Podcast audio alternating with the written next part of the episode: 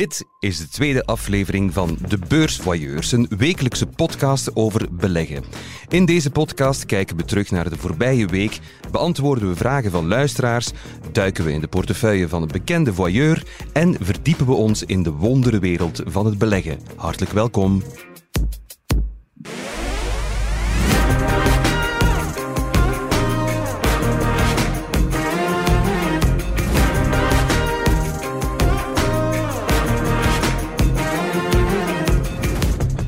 Elke week krijg ik het gezelschap van een bekende belegger en van twee beursvoyeurs. Dat zijn deze week Ellen Vermorgen, financieel journalist bij De Tijd, en Geert Smet, adjunct hoofdredacteur van De Belegger. Dag allebei.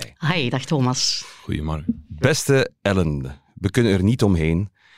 Je bent de enige vrouwelijke financiële journalist bij De Tijd. Hoe is dat mogelijk? Ja, de enige uh, vooralsnog. Ik hoop natuurlijk dat er uh, nog zullen volgen in mijn voetspoor. Het blijkt toch nog altijd een beetje een mannenwereldje. Maar het verandert. We zien hoe langer, hoe meer vrouwen toch ook die beurs verkennen. En daar ben ik zeer gelukkig mee. Dat is een hoopgevende trend in elk geval. Ellen, mensen kunnen je al kennen als de, de, de heerlijke stem die we nu ook mogen aanhoren. De stem uit Start to Invest, de podcast van de tijd. Uh, de, de, de heerlijke tiendelige podcast van 10 minuten, waar je in 100 minuten plots een belegger bent geworden. Hè? Ja, ik ben blij dat je het uh, predicaat heerlijk gebruikt. Ja, ik vind dat vind ik heel fijn om te horen. Ja, we hebben er, uh, we hebben er hard aan gewerkt om een soort uh, ja, basiscursus beleggen klaar te stomen. En, en, voilà. Ik hoop dat veel mensen daardoor geprikkeld geraken. Ellen, je bent eigenlijk degene die, de vrouw die haar volk leerde beleggen. Oeh, zover zou ik het, zou ik het niet drijven. Ik denk dat we met heel velen zijn hier bij Mediafin, maar ook daarbuiten, die aan die beurskar trekken.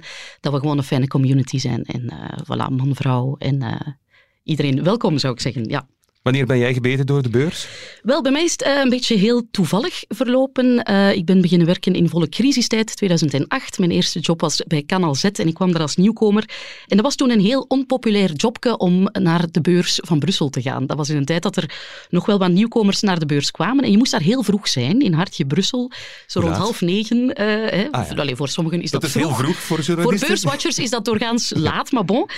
maar dat was dus zoiets dat ik in met een bak geschoven kreeg kreeg als nieuwkomer, laat ons zeggen. Maar ik ben daar enorm geprikkeld uh, geraakt door die beurs. Um, en ja, dat is alleen maar blijven groeien. Ook omdat het iets is ja, waar je als journalist erg creatief uh, mee kunt zijn. Ik vind de beurs is iets abstract. Het gebeurt vaak ja, een beetje boven onze hoofden, cijfers en excelletjes. Maar daarachter, ja, dat, dat leent zich enorm goed tot, tot beeldtaal. En dat heb ik zowel voor televisie als voor de krant. Probeer ik dat heel verhalend te maken en referenties te maken naar, naar popcultuur, naar muziek, naar, uh, naar dat soort dingen. Dat je koersgrafieken kan ver vergelijken met een, een call in de Tour de France bijvoorbeeld. Maar dat vind ik net het, het uitdagende op persoonlijk vlak eraan, dat het zich erg goed leent tot, ja, tot creatief schrijven en tot, uh, tot uh, ja, creatief denkwerk. Ja. Allemaal om het tastbaar te maken. Exact, dat is de betrachting, ja. Hoe ben je zelf begonnen met beleggen, Ellen? Wel, ik heb dan uh, na enkele jaren uh, de daad bij het woord gevoegd. Ik dacht, ik schrijf, of ik maak nu reportages over de beurs, maar uh, ik beleg zelf niet. Dat kan niet. Hè. Je moet toch wat praktijkervaring hebben. Dus ben ik met, met twee vriendinnen een clubje gestart, Chicken Stock heten wij. Zeer goed, ja. En uh, wij beleggen uh, elke maand een sommetje in de beurs. Wij proberen daar dan over te vergaderen op uh, liederlijke avonden en dan investeringsbeslissingen te nemen. Maar hoe, hoe dan wil ik wel eens, hoe moet ik mij dat voorstellen? Dus je komt dan samen met de vriendinnen en, en dan... Ja, en dan bomen wij door over allerlei hete hangijzers en hoe die onze portefeuille al dan niet kunnen beïnvloeden. Dat is reuze gezellig om op die manier een beetje naar de wereld te kijken. Ja, en daarnaast heb ik voor mijn kinderen ook nog een, een beleggingsportefeuilletje. Benieuwd wat je straks zal meebrengen. Zometeen horen we dat van jou. Naast jou zit Geert. Dag Geert. Goeiedag. Beste Geert, je bent adjunct hoofdredacteur bij De Belegger. In wat ben je dan precies gespecialiseerd? Alles wat te maken heeft met technologie, maar ook met bouw en constructie en uh, chemie. Ook uh, de Belgische aandelen volg ik, uh, volg ik nog altijd op. Dat is mijn oorspronkelijke start bij De Belegger. Ik was analist voor de Belgische aandelen. Volg ik die nog altijd op. Gert Baaklands, jouw hoofdredacteur. Geert die weigert adviezen aan de toog. Ben jij makkelijker te verleiden? Ik ben makkelijker te verleiden. Ik uh, trek soms het ganse land door uh, mijn presentaties en dan uh, de mensen komen toch altijd voor een aantal tips en die strooi ik dan toch wel met wel een aantal in het rond, moet ik zeggen. Dat is schuld, dat is heel lief, maar dat houdt natuurlijk ook risico in. Ik, ik weet uit goede bron dat op jouw bureau er stevast een, een, een enorme stapel lezersbrieven blijkt te liggen. Heel vaak mooi handgeschreven, een strak handschrift. Uh, misschien soms wel eens boze lezersbrieven, dat weet ik niet. Um, is er een vraag die vaak terugkeert? Ja, de meeste vragen uh, die terugkeren, dat is natuurlijk altijd over de aandelen die gedaald zijn of fors gedaald zijn in een portefeuille. En uh, soms uh, ja, geef je een koopadvies op een aandeel en dan begint dat te dalen en dalen en dalen. En ja, de mensen die schieten dan in paniek en die zeggen, ja, wat moeten we hier nu toch eigenlijk mee, mee, mee aanvangen?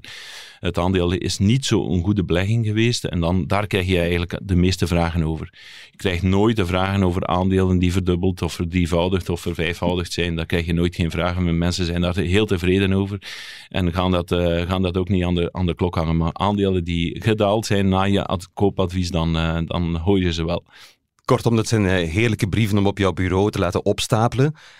Maar dat, dat is, ja, dan moet je, wat kan je daar dan in godsnaam mee doen? Dan eh, kan je die beantwoorden en dan moet je dat gaan uitleggen. Wel, wat doe je daarmee? Onze taak is vooral als het uh, goed zit met het bedrijf en ook op de lange termijn uh, nog altijd een me meerwaarde kan creëren, de mensen gewoon geruststellen. Dat is, uh, dat is de voornaamste taak. Ook in panieksituaties zoals de afgelopen weken uh, de oorlog tussen Rusland en Oekraïne, wat een serieuze impact had op de beurs. Ja, dan moet je de mensen gewoon geruststellen. En dat is de, de, onze taak, denk ik. De mensen niet in paniek laten verkopen, want achteraf zie je dat dat altijd een mooie V-shape, dus een V op de beurzen uh, teweeg brengt. En dan zeggen ze, ja, ik heb dan op dieptepunt verkocht. En dan moeten ze dan weer hoger gaan instappen. Dus dat, dat, is altijd een probleem. Goed, elke week zit er ook een bekende beursvoyeur aan tafel. Een persoon die zonder blikken of blozen zijn beursschulp wijd laat openstaan. Vandaag is dat panelid van de Beursrally, voorzitter van Kapitant en veel gelezen jongbelegger Cedric Proost. Welkom. Dag Cedric. Dag Thomas. Beste Cedric, ik mag dat toch wel zeggen, je bent een bezig bijtje, hè? Dat klopt, dat klopt. Zeker uh, sinds mijn boek is uitgekomen ben ik wel van het ene naar het andere project aan het, aan het zwerven. Maar het is wel hetgeen dat ik graag doe, dus uh, ik doe het wel heel graag. Het boek met, met de fantastische titel Je bent jong en je wilt, puntje, puntje, puntje, beleggen. Klopt, een parodie op Je bent jong en je wilt wat natuurlijk.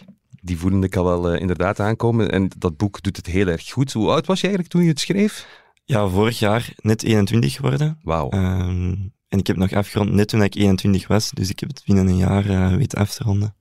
Fantastisch. Wanneer ben jij gebeten door de beurs?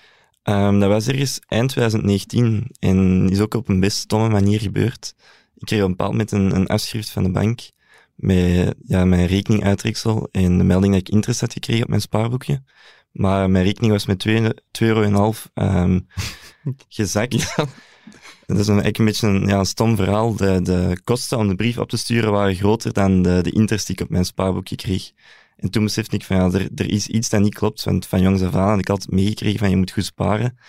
Um, maar ja, het feit dat mijn rekening nu zakt, eigenlijk door te sparen, is iets dat niet klopt. En dan ben ik op zoek gegaan naar een alternatief.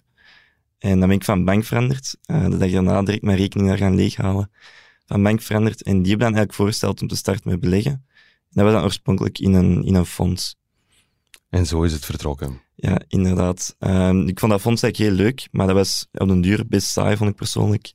En ik vond dat heel interessant om eigenlijk te zien van wat, wat drijft dat fonds nu juist. En dan ben ik zelf um, gestart met ja, workshops om beleggen te volgen. Uh, ja, de tijd begint te lezen. Andere zaken bij Capitant ook als lid gestart. En zo ben je eigenlijk gaan verdiepen in, in wat de beurs inhoudt.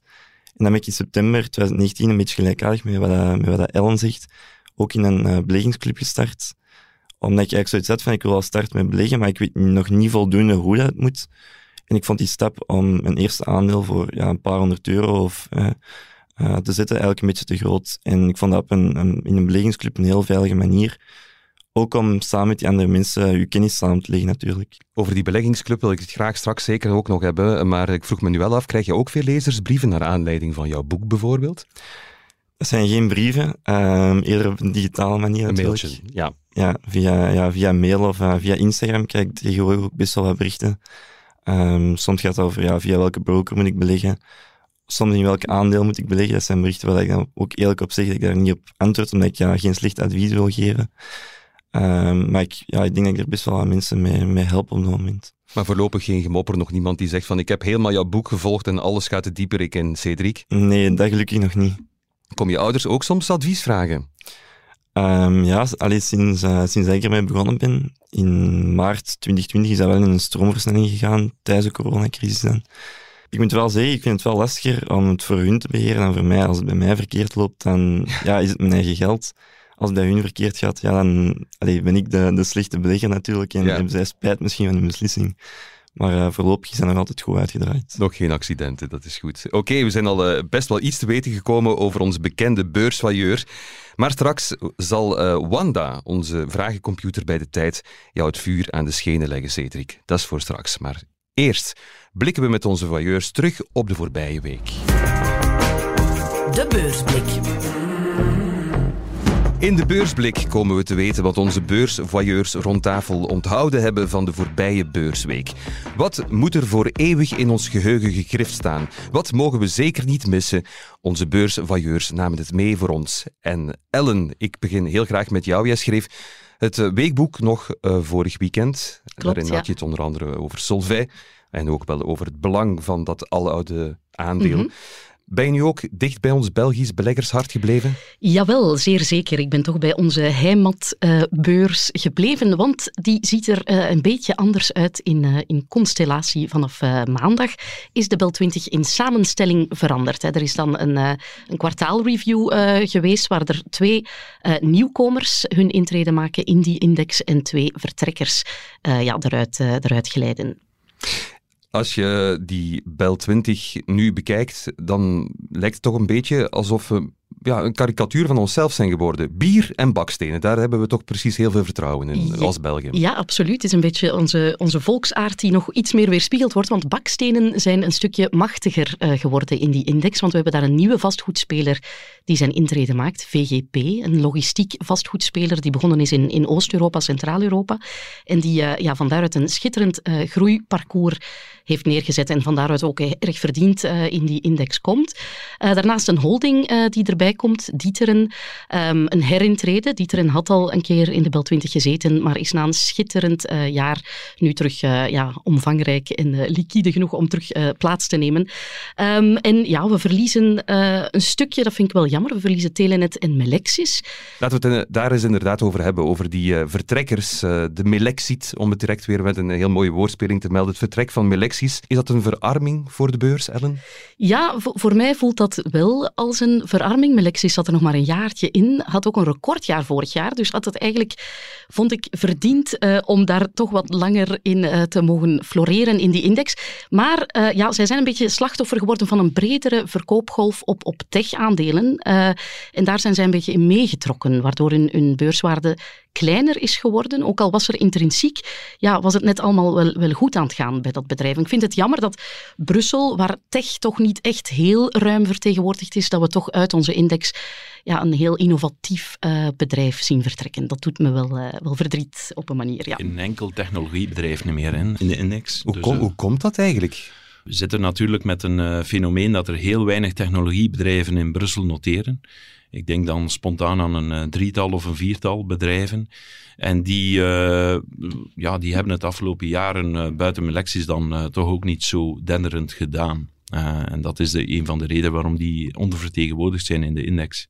Maar is, ja, dat, dan, is dat dan een beetje een, een eenzijdige index, als, als dat daar niet echt meer nadrukkelijk in zit? Ja, ja natuurlijk. Allee, als je het afweegt tegen dan onze buurmarkt, hè, Amsterdam, waar tech, tech uh, heel uh, ja, welig tiert, hè, dat is echt, echt een absolute tech-index, ja, dan komen we wel schriel uh, uit die vergelijking. Um, ja, je kan daar rouwig om zijn. Anderzijds ja, moeten we ook wel prat gaan op onze sterktes. En dat vastgoed, met name, hè, baksteen in de maag, is wel een van, van die sterktes. En met, met VGP dan hebben we wel echt een, een, een mooie entry in mijn Het is eigenlijk frappant dat VGP tijdens de beursintroductie in 2007 amper 731 beleggers kon aantrekken.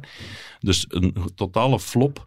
Mm -hmm. uh, de, de, de meerderheidsaandeelhouders moesten toen nog extra geld zelf in de beursintroducties st stoppen, want ja, er was er gewoon geen vraag naar VGP-aandelen en vandaag ja, zoveel interesse, zoveel zoveel uh, beurswaarde bij op, op één jaar, uh, meer dan verdubbeld, ja. denk ik. Dus uh, dat is een straffe prestatie van, van VGP. En VGP doet dat uh, enkel uh, via zijn uh, samenwerking met de grootste Duitse verzekeraar Allianz. Ah. die een deel van het vastgoed gewoon overkoopt in ruil voor huurrendement, in ruil voor beleggingsrendement eigenlijk, dat men niet meer vindt in obligaties want, of op een spaarboek, want het brengt 0% op. Dus men gaat op zoek naar vastgoed en VGP probeert dat eigenlijk uh, op te lossen door van Allianz zo'n beetje uh, de, het rendement aan te leveren.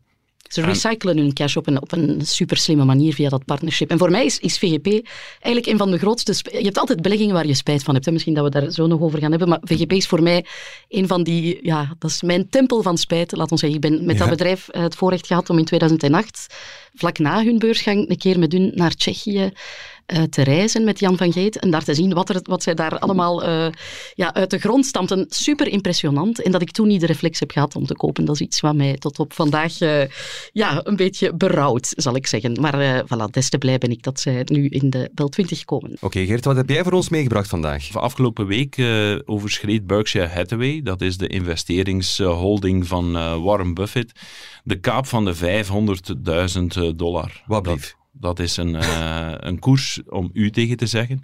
Dat is niet voor iedereen meer weggelegd. Dus uh, dat is een belangrijk, belangrijk koersniveau.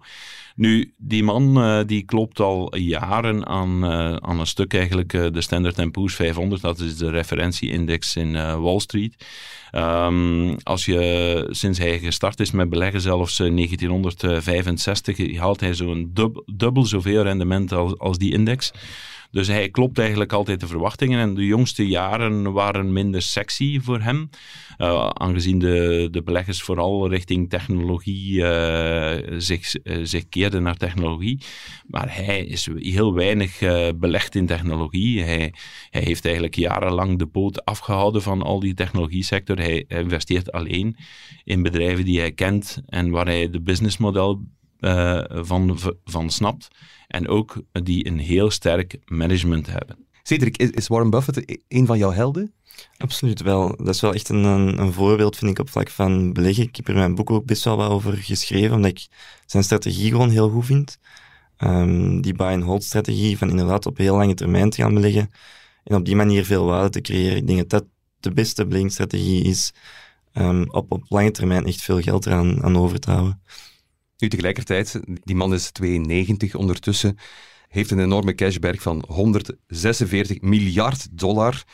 Investeert hij dan in de juiste dingen? Dat is toch bij uitstek een man die alle risico's van de wereld nu kan nemen en, en jonge, duurzame bedrijven kan gaan helpen en sponsoren. Ja, dan, dan is het toch in de oude krokodillen waar hij, waar hij zijn centen blijft steken, in, in petroleum en dat soort zaken. Is dat niet net bij uitstek iemand die de toekomst een, een, zetje moet geven. Ja, ergens wel. Misschien is het feit dat hij al ouder aan het worden is, ehm, een beetje ook een nadeel aan het worden. Dat kan ik niet goed, uh, niet goed inschatten. Ik weet wel dat hij vorig jaar ook serieus wat teweeg heeft gebracht op de beurzen met de verkoop van een vliegtuigaandeel. Ik weet niet meer welk bedrijf dat het juist was dat hij in, in portefeuille had, maar dat er wel best wel aan te doen was.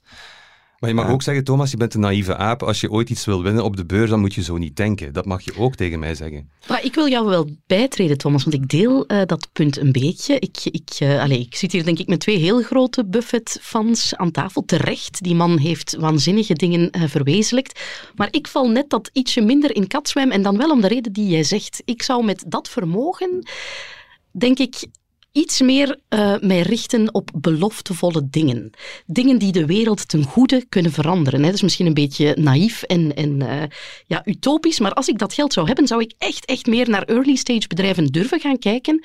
Bedrijven die ja, die medische ontwikkelingen doen enzovoort. En ja, daar zie je dat hij zich ver... Uh, ver van afhoudt, in tegenstelling tot een Bill Gates bijvoorbeeld, hè, die wel heel bewust zoekt naar early stage bedrijven. Bij ons hier Biotalis, een bedrijf dat innovatieve uh, pesticiden maakt, bioafbreekbare pesticiden. Mm ja, een waanzinnig uh, onderzoek, maar heel pril. En Bill Gates durft zich daar wel achter scharen. Zeggen van wat jullie doen, daar geloof ik in. En dat mis ik een klein beetje bij Buffett, zonder af te, afbreuk te willen doen aan, uh, aan het schitterende parcours dat die man op 92 kan voorleggen. Trapt Ellen nu op je hartje, Geert, of valt het mee? Nee, zo. Um, maar het is het is wel zo dat hij inspeelt op opportuniteiten. Dus recent heeft hij voor uh, een kleine 7 miljard dollar uh, geïnvesteerd in een oliegroep, een Amerikaanse oliegroep. Natuurlijk, uh, iedereen wil af van Russische olie. En waar gaan ze dan naartoe? Naar de Amerikaanse olie. Dus hij, investeert echt wel in opportuniteiten. Hij denkt dan ondergewaardeerde aandelen op te speuren en dan, dan daar zijn rendementen halen. En hij kijkt eerder naar het rendement dan naar de Goed, Cedric.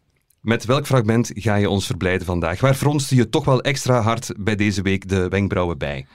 Ik denk iets dat macro-economisch uh, aspect een grote invloed gaat hebben. De Amerikaanse centrale bank die beslist heeft om de rente te verhogen. Uh, ik denk dat we een paar jaar hebben gekend met een heel lage rente. Ik denk ook de reden waarom ik uiteindelijk gestart ben met, met beleggen, omdat de rente zo laag was en omdat ik op zoek moest gaan naar een alternatief. En nu voor het eerst, dat, uh, voor het eerst in best twee jaren, dat ze de rente terug gaan verhogen. Zeven keer dit jaar, nog een aantal keer volgend jaar. Um, om de inflatie, de hoge inflatie, de dag van vandaag een beetje te, te kunnen counteren. Uh, maar ik ben eigenlijk niet welke effect dat gaat hebben op, op de beurzen nog de komende periodes. Um, want ja, ergens maakt het natuurlijk de beurzen relatief gezien iets minder interessant. Mm -hmm het zijn nog wel, best, het gaat over best lage rentes, um, verhogingen van 25 basispunten telkens. Dus ik denk aan richting de 2, 2,5 procent of zo, dat dat ja, de, de, markt houdt nu wel al rekening met de volgende keer een, een halfje dat mhm. erbij komt. Hè. Dus niet die 0,25, maar 0,5. Dus het zou allemaal nog een versnellingje hoger gaan. Ja, ik denk inderdaad, jij zit, zit stevig in tech, uh, Cedric, dat dat jou dan inderdaad bezighoudt. Erg logisch. Maar wat mij verbaast, en ik weet niet wat mijn tafelgenoten daarvan vinden, is dat de markt vind ik er erg uh, ongevoelig, een beetje immuun voor lijkt. Hè. We zien uh, gisteren Nasdaq plus 2 uh, eh, sluiten. Um, ja, het sentiment blijft zeer, op dit moment goed, ondanks toch een heel strak ja, rentebeleid, of een strakker rentebeleid, laat ons zeggen. Tina, there is no alternative die hmm. speelt nog altijd wel uh, een zeer sterke rol. Hè. Als, je, als je bekijkt, de, de rente gaat nu wel stijgen. Maar ja, laat ons, laat ons eerlijk zeggen, de lange termijn rente van 2% eh, is nog altijd een uh, vrij laag niveau. En dan zijn de meeste dividendenrendementen van, van aandelen nog altijd een pak interessanter. Uh, maar het zal uh, een deel van de cash die gratis is, waar uh, een aantal speculatieve beleggers mee aan de slag gingen de afgelopen jaren om een aantal posities in te nemen in techbedrijven en zo, ja, dat zal dan wel uh, gaan verminderen, want geld zal niet meer gratis zijn. Uh, bovendien, ja, men heeft altijd gezegd dat die inflatie temporary is, dus tijdelijk. Maar nu blijkt dan toch wel, hè, dus niet alleen de hoge energieprijzen gaan beginnen doorcijpelen uh, in de factuur van de gewone burger, maar ook de voedselprijzen uh, die gaan fors aan het stijgen gaan tegen eind dit jaar. En dat, dat zal dan die inflatie in stand houden. En de Fed kan niet anders, dus die Amerikaanse centrale bank kan niet anders dan de rente verhogen. Hier in Europa, bij de Europese Centrale Bank, zijn daar nog lang dat besef nog niet doorgedrongen. Maar gaat dat, gaat dat, gaat dat komen? Gaat dat toch ergens uh, in vraag gesteld worden dan bij de ECB? Ja, ik denk uh, dat ze dat moeten. Hè. Dus uh, de, de voorzitter van de ECB gaat, gaat moeten ingrijpen in de komende, de komende kwartalen. en ook die rente moet eind dit jaar in Europa gaan stijgen. En dan komt er nog minder gratis geld in omloop. En dat zal wel eens kunnen gaan wegen op de beurzen. En het sentiment blijft positief. men, aan alles is een beetje gewenning. Hè. Dus beurzen houden eigenlijk niet van onzekerheid. Dat is het grootste fenomeen. Als er onzekerheid is over de renteevolutie of over oorlogen en dergelijke dingen meer, ja, dan gaan de beurzen omlaag. Is er al een beetje zekerheid dat er een einde komt aan conflicten? Of is er zekerheid met hoeveel uh, basispunten die rente gaat verhoogd worden? Ja, dan treedt er een gewenning op en dan gaan beleggers gewoon uh, tot de orde van de dag over en dan gaan ze gewoon uh, terug herinvesteren. Goed, Cedric, het, het nieuws wat je voor ons hebt meegebracht, wat voor impact zal het hebben op jouw beleggingen? Ik denk dat dat moeilijk in te schatten is, maar ik ga er zelf niet te veel beslissingen door nemen, omdat ik ook een ja, lange termijn visie heb met mijn beleggingen. En ik denk dat er nog zo vaak van die, van die veranderingen gaan gebeuren. Um, als ik daar telkens zou voor moeten kopen en verkopen, dan uh, gaat het me op den duur denk ik meer kosten aan transactiekosten dan, uh, dan dat dit als, als effect zou hebben. Maar ik ben wel gewoon benieuwd wat het, uh, wat het gaat geven op de, op de beurs algemeen. Ik sluit me wel aan, denk ik, bij die, bij die Tina van There is no alternative zolang we met zo'n hoge inflatie zitten, denk ik dat 2% rente, of zelfs al is het 3% rente, nog altijd niet voldoende rendement biedt om je, om je kapitaal te beschermen. Dus ik denk dat daarom de beurzen er ook niet al te negatief op reageren. Dit was de terugblik. Straks gaan we uiteraard ook nog eens kijken naar wat er volgende week op de beursagenda staat. Maar eerst gaan we alle beurskennis rond deze tafel gebruiken om een luisteraar te helpen.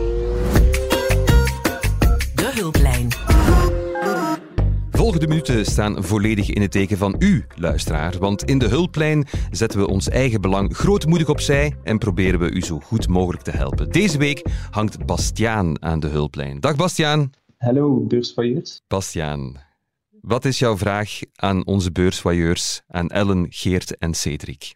Um, ik heb een vraagje over de theorie van de efficiënte markten. Uh, die zegt namelijk dat alle beschikbare informatie al in de beurskoers verwerkt is.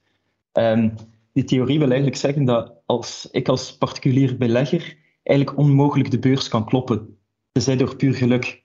Um, nu, mijn vraag is, in welke mate is de beurs alleswetend?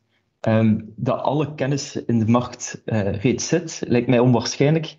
Um, en dan zeker als we kijken naar uh, de mate waarin de beurs soms van dag tot dag uh, heftig reageert op het nieuws en dan later corrigeert. Hoe kan ik als uh, belegger slimmer zijn dan de impulsieve markt? Bastiaan, je klinkt heel jong nog. Klopt dat? Hoe oud ben je? Ik ben 29 jaar.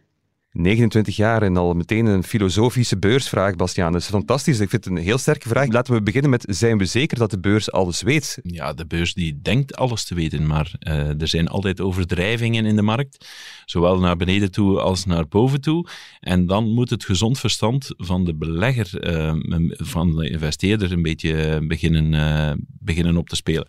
Want je hebt altijd overdrijvingsfases. Ik denk dan maar aan de oorlog in Oekraïne en uh, dan worden op dat moment alle bedrijven die ook maar iets te maken hebben met Rusland, die worden gewoon onmiddellijk verkocht op de beurs.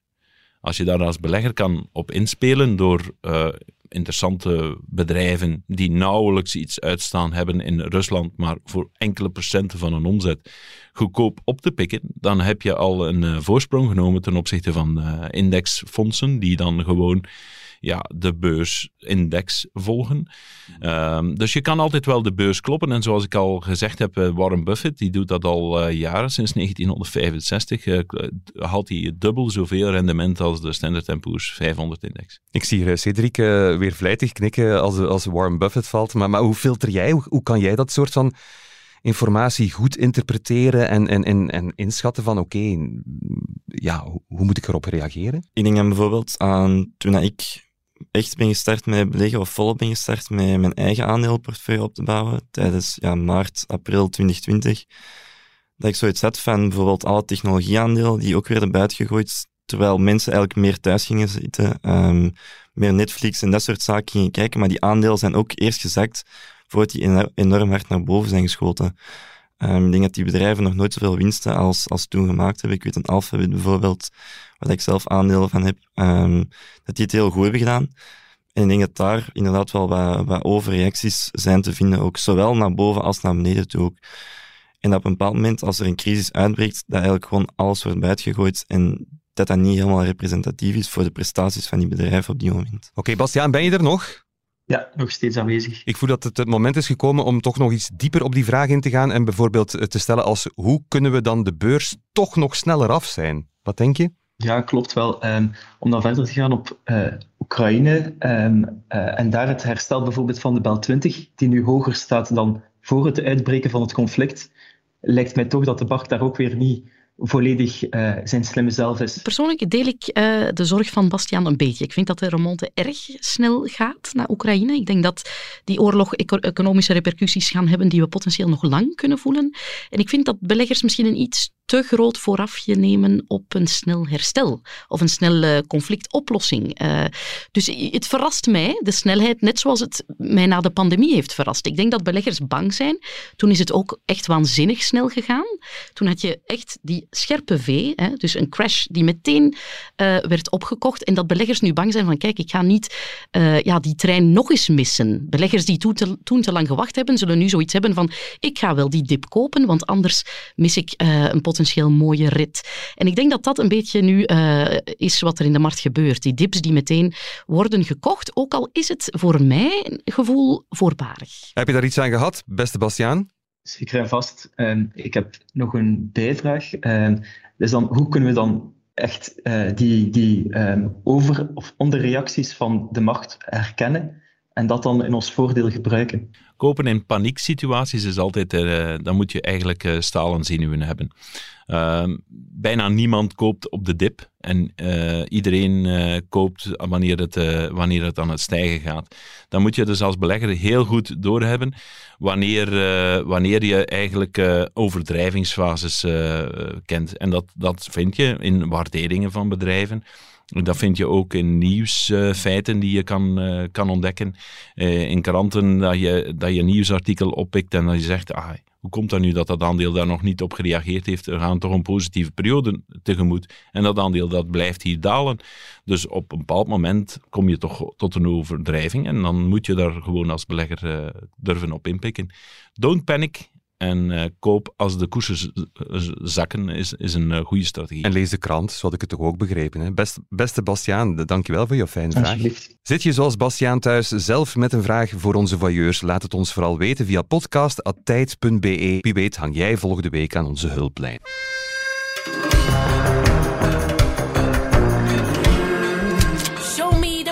Cedric, tijd om eens dieper te duiken in jouw beleggingsportefeuille. In Show Me the Money legt Wanda Buffett, onze vragencomputer bij de tijd, onze bekende beursvailleur het vuur aan de schenen. De vragen komen dus niet van ons, Cedric, maar van Wanda Buffett. Aan jou de eer om op een willekeurig cijfer te drukken. Om een vraag op te roepen, Cedric, wat kies je? Welk cijfer kies je als eerst? 14. Wat is jouw grootste positie? Schitterende vraag van Wanda. Het antwoord hoort u dadelijk.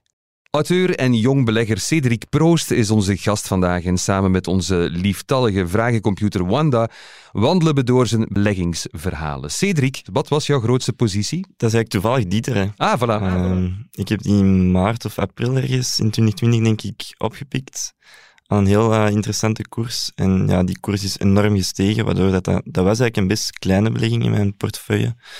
Maar die is gewoon zo hard gegroeid dat dat nu de grootste positie is geworden. Dus uh, ja, dat was meteen dat was een schot in de roos. Een verstandige belegger, of is dat gewoon geluk hebben? Ja, dat is altijd mooi als je positie ja, disproportioneel groot wordt in je portefeuille, want dat is teken dat je natuurlijk een mooie winnaar uh, hebt ingekocht. Dus uh, voilà, nee, wat dat betreft uh, fijn. Ja. Het was ook een van de beleggingen die ik ook voor mijn ouders heb gedaan, dus dat was ineens mooi meegenomen. Oef. Ja, ja, ja. Chance, die, dat, dat sterkt ook het vertrouwen dan meteen in een zoon. Als dat er al niet zeer, zeer hard was natuurlijk. Goed, een tweede vraag, Cedric. Welk cijfertje kies je? Zeven. Wat was je eerste belegging? Mijn eerste belegging was op de beurs van, uh, van Amsterdam, Alphen, een, uh, ja, Nederlands bedrijf dat onder andere oplaadpalen voorziet voor, ja, voor elektrische auto's, um, opslag van, van energie ook voorziet. En ik vond dat vooral een, een interessant bedrijf, met die eigenlijk technologie combineren met een trend die volgens mij ja, niet, niet weg te denken is. Alles wat dat met, met duurzaamheid te maken heeft, ook de opkomst van elektrische auto's. Um, en ik denk dat dat de perfecte, perfecte wisselwerking was tussen ja, technologie en, en die sector. Um, en ik heb ook het geluk gehad dat dat, ja, dat dat een schot in de roos was, waardoor dat mijn eerste beleggingservaring eigenlijk ja, heel leuk was gewoon. Uh, er wordt vaak gezegd dat je wel leergeld moet betalen als je start met beleggen. Voor mij was het leergeld eigenlijk gewoon dat ik het aandeel te vroeg verkocht heb, dat daarna nog eens blijven doorstijgen. Ah ja. Dus dat beklaag ik me eigen een beetje. Um, ik vond dat het aandeel veel te snel gestegen was toen ik het gekocht had. Um, maar het is daarna nog allee, verdrie- of verviervoudigd, denk ik. Um, en ik heb met 50% winst of zo al verkocht. Och, belangrijk bij zo'n groene bedrijven is dat die voldoende cash hebben. En dat heeft Alphen. En een tweede element is dat zij ook al rendabel zijn. Dat zij eigenlijk geen cash meer verbranden. Ondanks een uh, forse investeringen die ze moeten doen in laadpalen, in extra capaciteit. Maar het is een echt een uh, pareltje op de beurs van Amsterdam, dat moet ik wel toegeven. Is dat de klassieke beginnersfout bij beleggen dan toch te snel verkopen? Ja, misschien wel. Ik zit met, met grote ogen, oren te luisteren naar Cedric, want ik heb denk ik in het begin van mijn carrière niet zo'n vernuftige uh, keuzes gemaakt. Ik vind het heel knap dat hij echt mooie winnaars heeft geïdentificeerd op het moment dat ze nog, nog goedkoop waren. Alphen ben ik zelf grote, grote fan van. Heb ik uh, ook zelf in portefeuille zonder te veel uh, ja, uit de biecht te klappen als journalist. maar ik heb in de tijd denk ik um, een beetje de beginnersfout gemaakt die velen maken en dat is gaan kijken naar achterblijvers en goedkope bedrijven. En ik heb daar geprobeerd ja, um, dingen op te pikken waarvan ik dacht, goedkoper kan dat toch niet worden dan het nu al is. Maar uh, dat was een misvatting. Ik heb, ik heb een paar keer echt mijn, uh, mijn billen verbrand. Uh, met Ontex bijvoorbeeld. Een, een ja, notoire brokkenpiloot op de Brusselse beurs. Een luigerproducent die nu op een diepterecord staat. Ik dacht toen al, in der tijd, jaren geleden, toen dat nog dubbel zo duur was als nu, van ja, dat, dat lijkt me echt een koopje. En um, voilà, dat was, dat was eigenlijk misschien een, een, een beginnersfout dat ik te hard ben gaan kijken uh, naar goedkope waardering. Ik zeg niet dat je niet met waarderingen moet bezig zijn, maar vaak is het ook wel slim om op een winnende trein uh, te springen in plaats van naar de dupjes te kijken. Billen verbrand aan een pamperproducent. Prachtig. Heel mooi. Nog een cijfertje, Cedric. Eén. Van welke gemiste belegging heb je het meeste spijt? Ja, dat is 100% zeker uh, Sofina. Um, die wou ik ook, in, ja, ook rond maart uh, 2020 oppikken. En ik had toen een order ingesteld zelfs op, um, op 150 euro, een limietorder. En ik heb zo op een bepaald moment op de dag zelf nog tot 151 euro en zoveel cent uh, zien terugzakken. En dan zijn ze gewoon super hard naar boven opgeveerd, waardoor ik ze eigenlijk niet in portefeuille had, maar ze wel heel graag had gehad. En dat beklaag ik me eigenlijk wel, wel enorm natuurlijk, dat ik die niet in portefeuille heb. Um, omdat ik gewoon ook een heel interessant bedrijf vind, persoonlijk. Leergeld betaald, zo gaat dat dan. Nog een cijfertje, Cedric. Acht. Beleg je samen of alleen? Ik ben dus gestart met inderdaad met samen te beleggen in een beleggingsclub Diamantje in Antwerpse. Het Diamantje, dat is prachtig. Gevestigd in de ja. Antwerpse Diamantwijk, omdat we daar uh, vergaderen. Omdat ik zoiets had van, ja, op die moment vond ik me eigen niet in staat om zelf te gaan beleggen, of vond ik dat ik niet voldoende kennis had om, om van start te gaan. En ik heb er echt superveel uit geleerd uit die, uit die omdat je daar met mensen zit van ja, ja, verschillende leeftijden. Welke leeftijden zitten daar dan zo al? Ben, ben je dan het piepje van de club? Ja, ja okay. zeker. Allee, er, is, er, zijn geen andere, allee, geen andere echte jongeren, uh, dertigers, veertigers, vijftigers, maar ook ja, mensen die al op pensioen zijn ondertussen. Ja. Um, ik denk dat dat een heel goede mix geeft tussen uh, de ervaring die zij al hebben, ook de ervaring die zij op de beurs hebben. En anderzijds misschien de, de vernieuwende ideeën die ik dan bijvoorbeeld kan, kan binnenbrengen. Of ja, zo'n zo'n aandeel als een alfa, uh, dat ik daar heb kunnen voorleggen. Ah ja, je hebt daar direct al gescoord natuurlijk dan. Uh. Ja, we hebben het uiteindelijk wel niet, in, uh, of te laat, in, in onze portefeuille opgenomen. Um, omdat het wat tijd heeft gekost om het, ja, de, de rest te kunnen overtuigen. Want wij vergaderen ook maar maandelijks natuurlijk. Ah ja, de tijd. Oei, oei, oei. Ja, ja, dan, dan, is dit al, dan mis je al eens een kans natuurlijk. Je mag nog een vraagje uit Wanda trekken als je wil. Vijf. Wat is volgens jou de grootste karaktereigenschap die een belegger moet hebben? Dat je vastberaden moet zijn en alleen geloven in, in jezelf of in je beslissingen. En vooral niet emotioneel reageren. Um, ik denk dat er zelfs in de twee jaar dat ik nu echt heel actief of actiever aan het beleggen ben, zijn er echt al wel wat dingen gepasseerd die de beurzen op korte termijn wel wat beïnvloed hebben. Uh, de zoveel lockdowns die er geweest zijn die de beurs elke keer weer deden deed ik kelderen, maar ik heb dat wel leren van mij af te zetten. Ook mede echt wel door die beleggingsclub.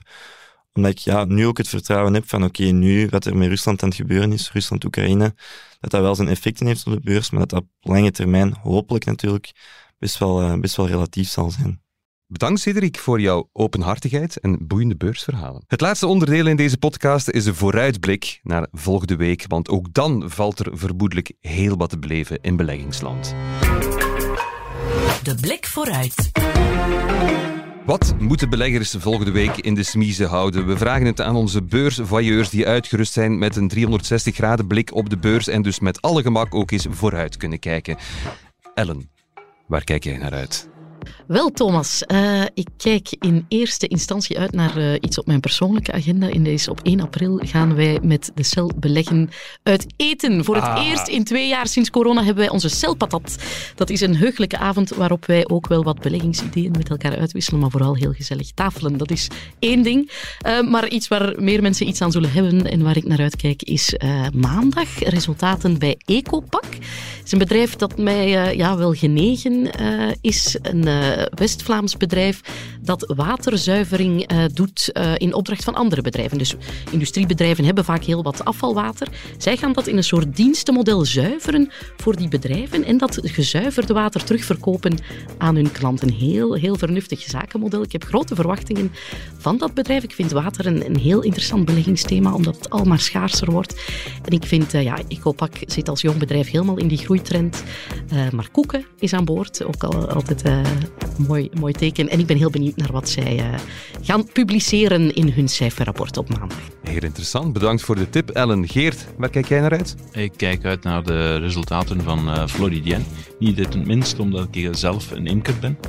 En uh, ik doe dat dus nu met de lente ontspringt uh, de, de zon buiten. Uh, het is allemaal mooi weer, dus de bijen beginnen ook weer te, te vliegen. En de bijenkasten komen tot leven na, na een harde winter. Maar bij Floridien, ja, die doen van alles met hommels. En die hommels die zijn wereldwijd eigenlijk bekend. Die worden gewoon geëxporteerd. Die worden hier gekweekt in, in Vlaanderen. Worden overal ter wereld geëxporteerd voor de bestuiving van, van gewassen.